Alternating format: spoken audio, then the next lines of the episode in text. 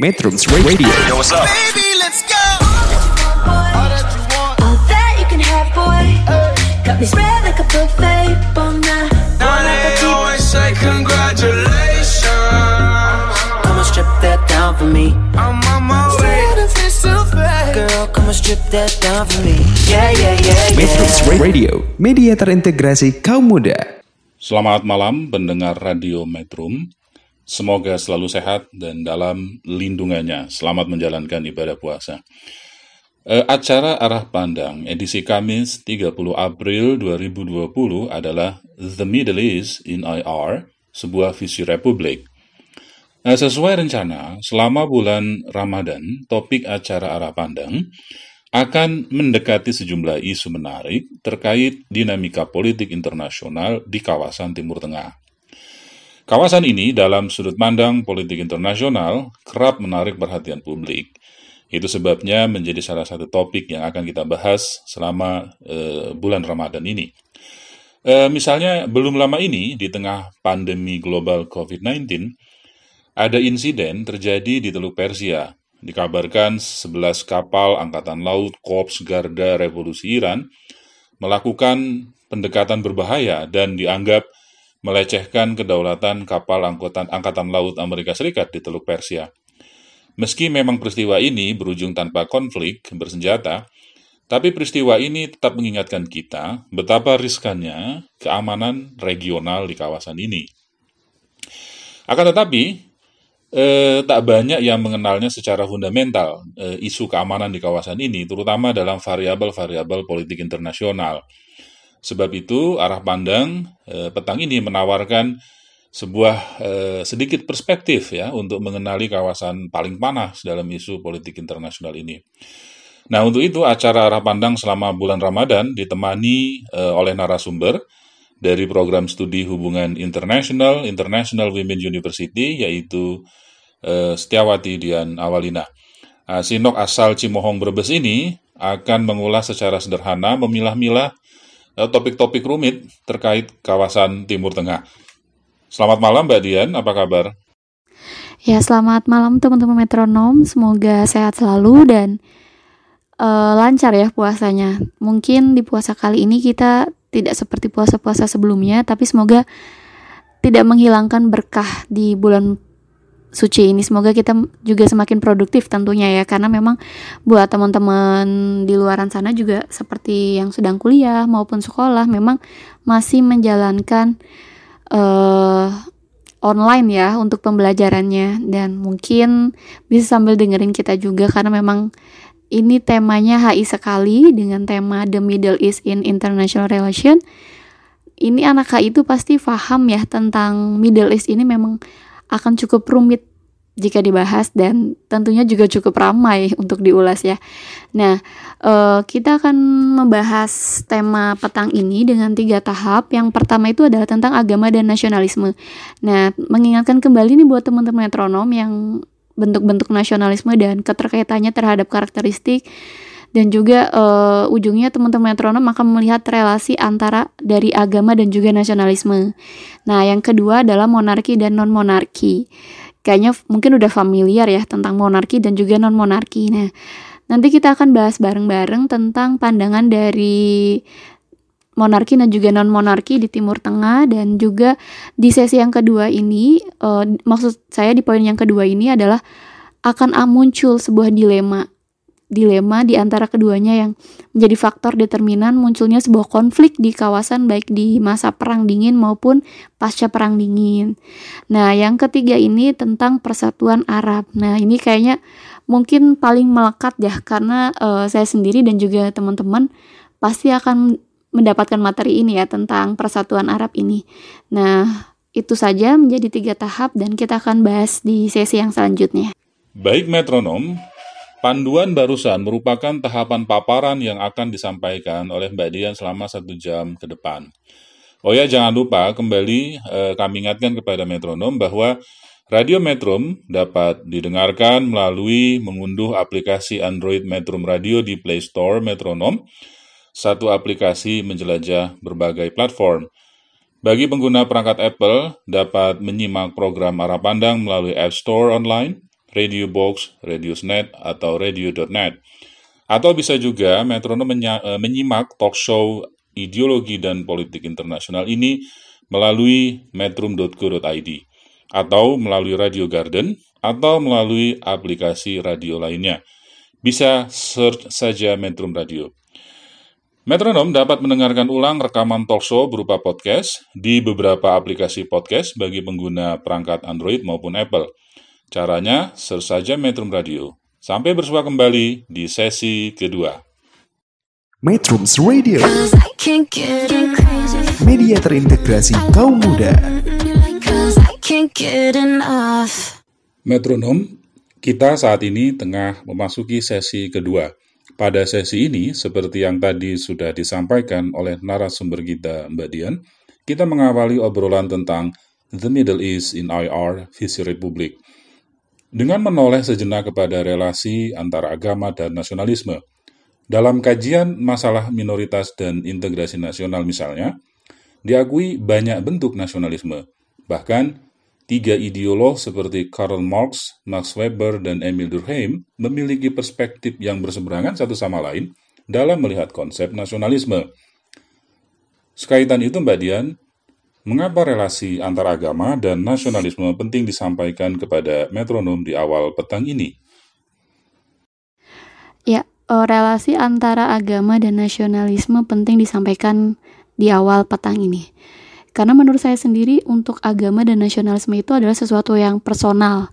Nah, ini sangat sensitif karena sangat menyentuh ya ke ranah teman-teman metronom juga.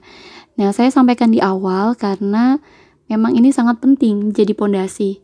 Oke, mungkin buat teman-teman metronom kita perlu pahami lagi tentang fenomena-fenomena di Timur Tengah, khususnya ada tentang nasionalisme. Nah, dari berbagai rumusan dan pendekatan tentang nasionalisme seperti yang di antaranya adalah diperkenalkan oleh salah satu tokoh yaitu Ernest Renan. Nah, nasionalisme itu dapat dikatakan sebagai suatu paham.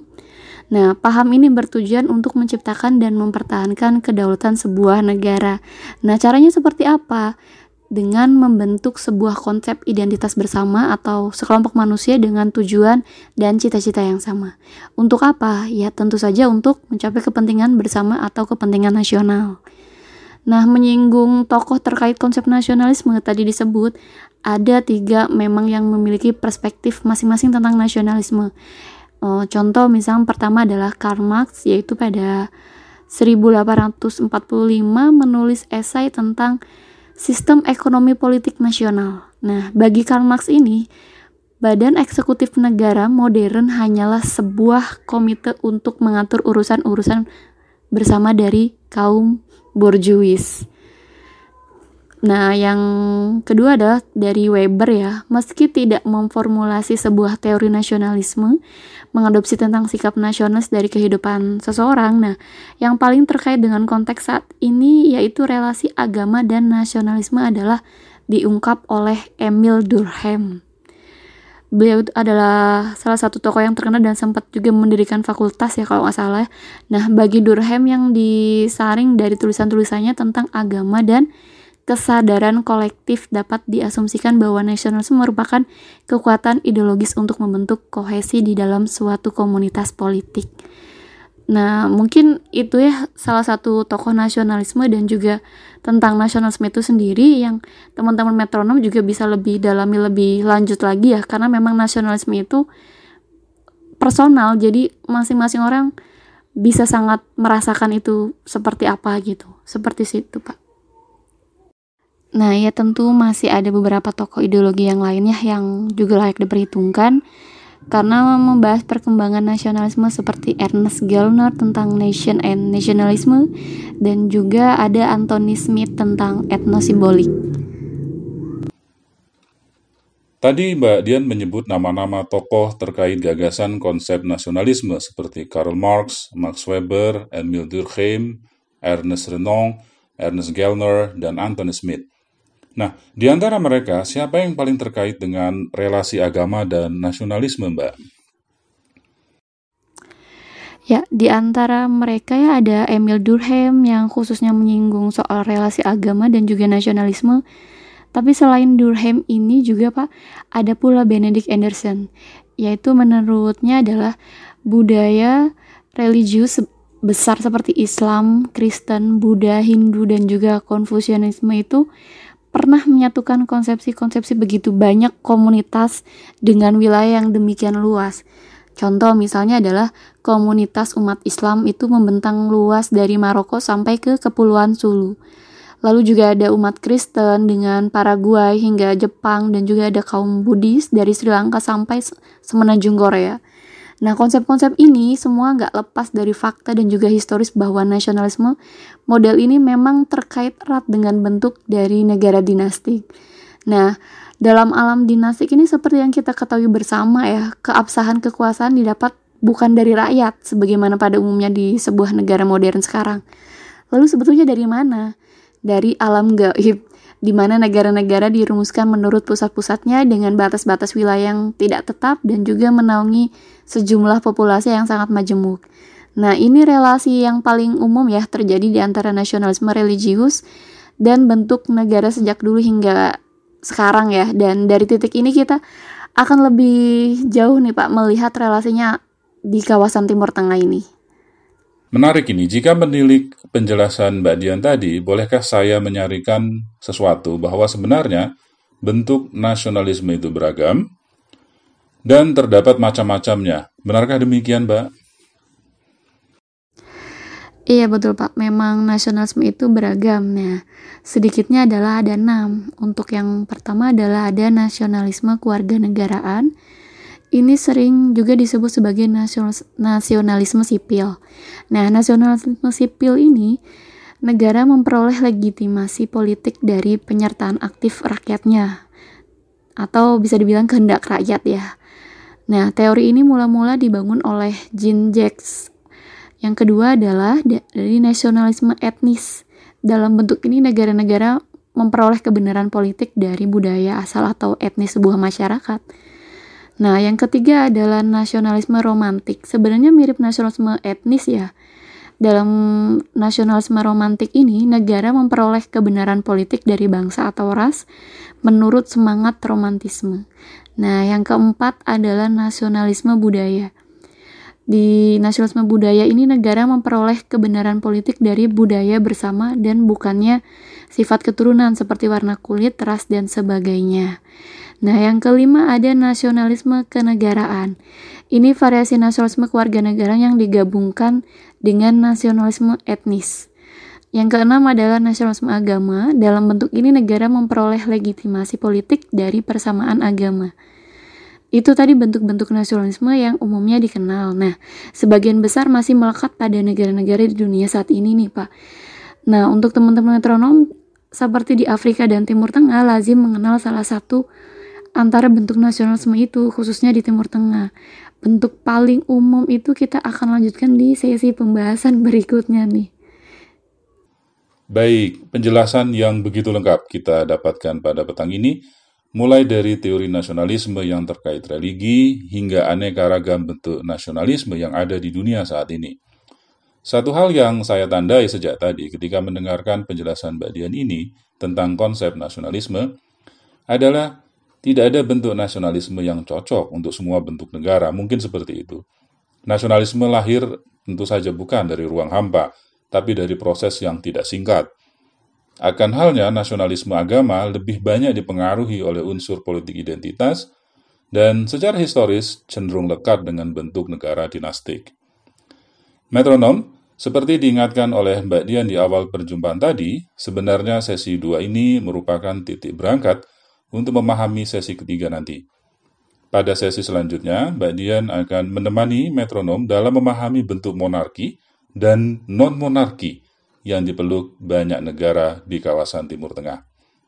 Jangan ke mana-mana dulu, kita akan bersua kembali di sesi ketiga setelah yang satu ini. Metrums Radio. Media terintegrasi kaum muda. Metronom, kita saat ini di sesi ketiga.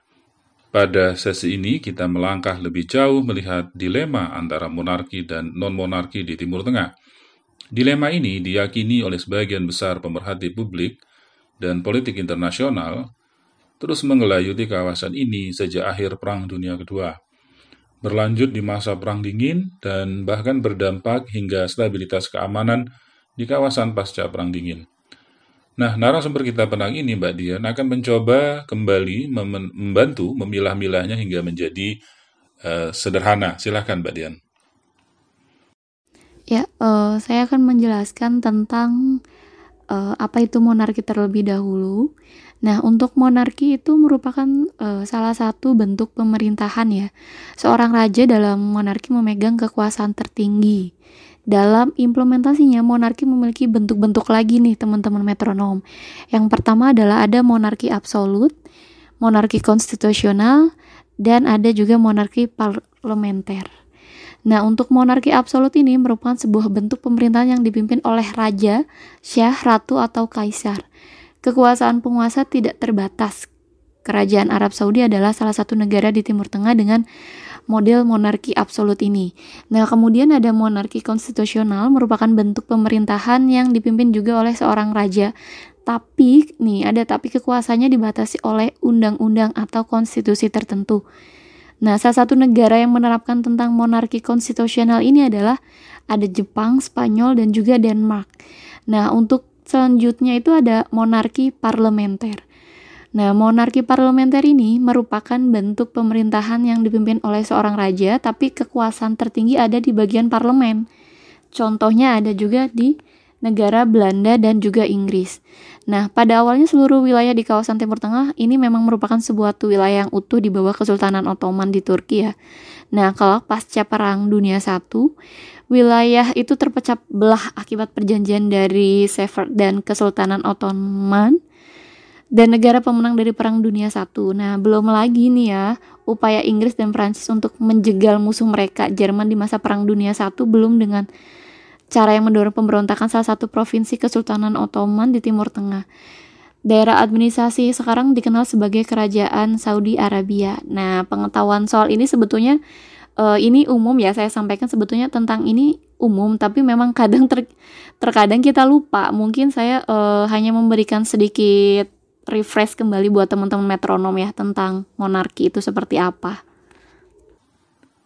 Nah, setelah mengetahui perbedaan bentuk-bentuk monarki yang berkembang di kawasan Timur Tengah, selanjutnya bagaimana pengaruhnya di kawasan ini, Mbak Dian? Ya, uh, memang kita akan sedikit panjang ya dan seperti mendongeng mungkin ya kalau misalkan kita bahas tentang Timur Tengah. Nah, di masa Perang Dingin, bentuk monarki itu bukan bentuk monarki di kawasan Timur Tengah yang memicu dilema kepentingan nasional. Nah, akhirnya, nah dalam catatan sejarah kawasan ini tidak sedikit konflik kawasan yang pecah di akibat perbedaan dari bentuk negara itu. Negara monarki memilih beraliansi dengan blok barat, sedangkan negara non-monarki cenderung lebih dekat dengan blok timur. Nah, mungkin ada teman-teman metronom yang penasaran dengan alasan mereka memilih sekutu di masa perang dingin itu kenapa gitu. Untuk bentuk bentuk dari monarki akan memiliki perilaku mempertahankan privilege elit atau struktur kenegaraan. Karena dalam bentuk monarki ini, seperti yang sudah saya singgung tentang bentuk dinasti, sumber legitimasi seorang pemimpin tertinggi di sebuah negara adalah berasal dari sesuatu yang mereka yakini sebagai kehendak Tuhan. Jadi tidak bisa itu dipilih dengan sembarang orang ya memang mereka bilangnya adalah dipilih oleh Tuhan. Hukum alam dan juga kebangsawanan. Di luar dari itu tidak ada mekanisme suksesi kepemimpinan yang lain. Nah, untuk usaha melestarikan keberlangsungan struktur itu menjadi begitu penting di masa Perang Dingin karena Blok Timur yang mengusung ideologi sosialisme komunis juga menyokong bentuk-bentuk monarki seperti itu di Timur Tengah. Nah, seperti kita ketahui dalam ideologi yang diusung Blok Timur, kehadiran struktur monarki merupakan antitesa terhadap manifesto poin kelima, yakni pertentangan kelas. Konsekuensinya, umumnya monarki di Timur Tengah bisa dipastikan merupakan sekutu Blok Barat selama Perang Dingin dan keadaan itu cukup terus berlanjut hingga era pasca Perang Dingin. Menarik ini. Jadi mereka ikut terpolarisasi di masa Perang Dingin ya. Lalu bagaimana halnya dengan kelompok negara non-monarki? Ya, begitu pula halnya dengan negara-negara non-monarki di kawasan Timur Tengah yang cenderung melekat dengan blok timur dan anti terhadap blok barat. Kedekatan mereka terhadap blok timur juga disertai dengan beberapa gerakan ideologi yang mengusung sikap non-blok sebetulnya. Nah, kerumitan ini terlihat uh, pada seluruh peristiwa perang Arab Israel yang dari 1948, 1956 juga 1967 sampai 1973. Sikap negara monarki dan non-monarki di Timur Tengah tercermin dalam arah kebijakan luar negeri mereka yang menyikapi empat perang Arab Israel tadi. Selain itu, kerumitan itu muncul terhadap terbelahnya Yaman Utara dan juga Yaman Selatan. Perang Yaman di tahun 1967 sendiri pada awalnya adalah perang saudara yang bermula pada uh, dari perpecahan antara Yaman Utara dan juga Yaman Selatan, serta kebijakan dari presidennya. Nah, meskipun begitu, lambat laun perang ini juga melibatkan campur tangan asing yang justru semakin memperkeruh keadaan. Kehadiran campur tangan asing itu adalah contoh bagaimana kompleksitas ideologi monarki dan juga non-monarki di level nasional telah menyeret pada internasionalisasi isu melalui kehadiran campur tangan asing. Nah, kelompok negara non-monarki di kawasan Timur Tengah juga sempat mengembangkan ideologi nasionalisme seperti Nasarisme. Nasarisme sendiri adalah sebuah ideologi politik nasionalis Arab sosialis yang berdasarkan pada pemikiran Gamal Abdel Nasir. Mungkin teman-teman metronom uh, familiar dengan nama Gamal Abdel Nasir ini yaitu kepala negara Mesir. Nah, salah satu dari dua pemimpin utara revolusi Mesir 1952 dan Presiden Mesir kedua. Nah, Nasasarisme menandai politik Islam dan pergulatan politik Timur Tengah. Cukup panjang ya untuk sejarah Timur Tengah ini memang. Nah, sosialisme ala Nasir pada prinsipnya merupakan gagasan politik ekonomi Nasir yang timbul sebagai respon terhadap struktur politik ekonomi yang mendominasi dunia di masa Perang Dingin, yaitu politik ekonomi kapitalisme. Kapitalisme ya, teman-teman metronom, ini memang sampai sekarang juga teman-teman mungkin paham ya kapitalisme itu seperti apa. Nah, salah satu aspek yang terpenting dari sosialisme Nasir adalah bahwa ide-ide sosialisnya itu diwujudkan dalam bentuk program-program yang dirancang sistematik. Nah, realisasinya melibatkan berbagai peraturan perundang-undangan secara sengaja ditetapkan dalam rangka sosialisme. Nah, terakhir ya dari saya, uh, meringkas uh, kembali bahwa soal monarki dan non monarki di Timur Tengah Pertama, seluruh kawasan ini pra perang dingin merupakan suatu wilayah utuh di bawah kekuasaan Kesultanan Ottoman. Akan tetapi tercerai beras setelah campur tangan Inggris dan juga Perancis, terutama setelah kekalahan Kesultanan Ottoman dalam Perang Dunia I. Nah, yang kedua, akibatnya muncul sejumlah negara baru yang ketiga juga pasca Perang Dingin II muncul lagi uh, sejumlah negara baru ya. Nah, yang keempat adalah muncul friks antara negara monarki dan non-monarki di era Perang Dingin. Nah, yang kelima itu ada friksi itu melahirkan campur tangan asing sehingga konflik di kawasan itu berlarut-larut hingga sekarang. Dari lima hal tadi, uh, Prof. Amin Rais suatu masa pernah mengungkapkan akar masalah sebenarnya di kawasan yang Bergejolak ini adalah persaingan antara bentuk negara kauniyah atau monarki dan juga bentuk negara watoniyah atau non-monarki. Kalian bisa lebih perdalam lagi karena memang ini tidak bisa difahami begitu saja ya karena memang harus betul-betul ditelaah karena memang uh, Middle East ini memang cukup rumit ya. Saya sudah tekankan di awal. Jadi boleh sambil dibaca-baca lagi untuk the Middle East itu seperti apa, terutama untuk monarki dan juga non-monarkinya. Makin tajam dan menarik ini. Dalam polarisasi itu, eh, yang tadi saya dengarkan di kubu non-monarki muncul nasionalisme khas Timur Tengah, yang di antaranya dikenal sebagai Naserisme. Sosok ini sebenarnya yang pernah saya tahu, pernah ke Bandung ya, 65 tahun silam, eh, ketika menghadiri konferensi Asia Afrika 1955. Dan kalau tidak salah, satu tahun setelah itu, sekitar tahun 1956, sosok ini memimpin Perang Arab Israel yang kedua. Dan dalam peristiwa itu, terusan Suez yang melintas di Mesir diambil alih dari Inggris dan Perancis. PBB turun tangan di sana dengan pasukan perdamaian, dan Indonesia turut terlibat mengirimkan misi pasukan perdamaian. Nah, keterlibatan Indonesia itu merupakan kali pertama dalam sejarah mengirimkan misi perdamaian dunia. Nah, demikian sesi ketiga. Baik, jangan ke mana-mana dulu. Kita akan bersua kembali di sesi keempat setelah yang satu ini. Metrums Radio, media terintegrasi kaum muda.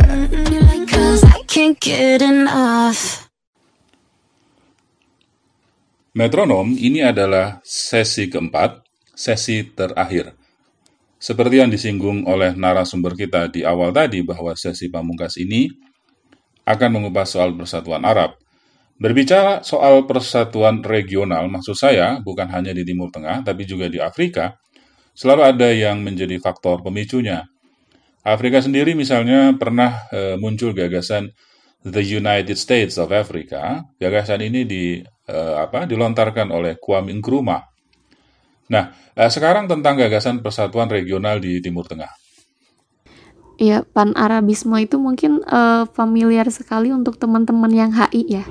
Nah, pan-Arabisme memang sering dimaknai sebagai persatuan Arab. Dasar ideologi ini adalah keyakinan bangsa Arab sebagai satu bangsa yang dipersatukan oleh etnis, bahasa, budaya, sejarah, dan juga geografis.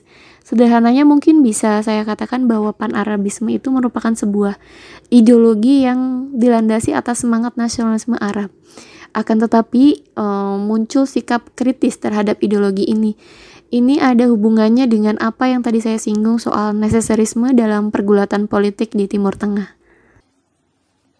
Pemikiran soal persatuan regional ini apakah melibatkan seorang ideolog tertentu, Mbak Dian? Eh, Seperti halnya Kwame Nkrumah di Afrika dulu.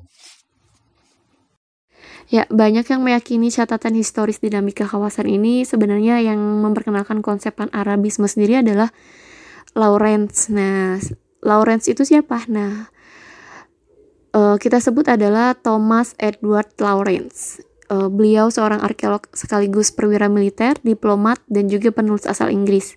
Beliau terkenal lantaran perannya dalam pemberontakan Arab melawan Kesultanan Ottoman selama Perang Dunia I. Nah, peristiwa pemberontakan Arab terhadap Kesultanan Ottoman dibalut semangat persatuan Arab dan pan-Arabisme yang bertujuan membangunkan semangat nasionalisme di kalangan Arab sebagai ideologi pembebasan negara-negara Arab atas kekuasaan Kesultanan Ottoman yang membelenggu. Nah, alhasil singkat cerita negara-negara Arab dan dari Kesultanan Ottoman, tapi apa yang terjadi kemudian? Negara-negara Arab kemudian dikuasai oleh para kolonialisme Eropa. Prancis menguasai Suriah, Lebanon, dan Aljazair. Di lain pihak juga Inggris menguasai Irak, Mesir, Jordan, dan juga Yerusalem. Nah, kenyataan inilah yang membuat negara-negara Arab meluaskan konsep pan-Arabisme. Tujuannya adalah untuk melepas belenggu kolonialisme negara-negara Eropa Nah, pan-Arabisme berkembang dan merupakan kemajuan. Gerakan ini kemudian diaktualisasikan oleh Gamal Abdel Nasir dari Mesir yang dikenal sebagai Nasesarisme. Nasesarisme. Nah, akhirnya kelak akan muncul dua paham, yaitu pan-Arabisme dan pan-Islamisme. Sepertinya sudah cukup ya itu yang perlu saya sampaikan di program arah pandang petang kali ini, Pak. Metronom, demikian obrolan arah pandang edisi Kamis 30 April 2020 kali ini. Ada beberapa hal yang mungkin saya perlu catat di penghujung acara ini dari semua pembicaraan tadi adalah bahwa relasi antar negara di kawasan Timur Tengah sangat erat kaitannya dengan bentuk monarki dan non-monarki sebagai faktor internal. Faktor ini kerap gayung bersambut dengan sistem internasional yang tengah berlaku. Dengan demikian, selalu muncul bukan faktor tunggal dalam analisa stabilitas kawasan ini. Tentu saja ini sebatas pengantar paling dasar ya untuk melihat kawasan di dunia yang paling sering bergejolak selama ini. Nanti ada tingkat lanjutannya tentu saja. Baik, semoga informasi petang ini bermanfaat bagi metronom. Terima kasih telah berkenan mendengarkan. Sampai jumpa lagi dalam acara arah pandang Kamis depan. Metrums Radio, Cause I can't get enough. media terintegrasi kaum muda.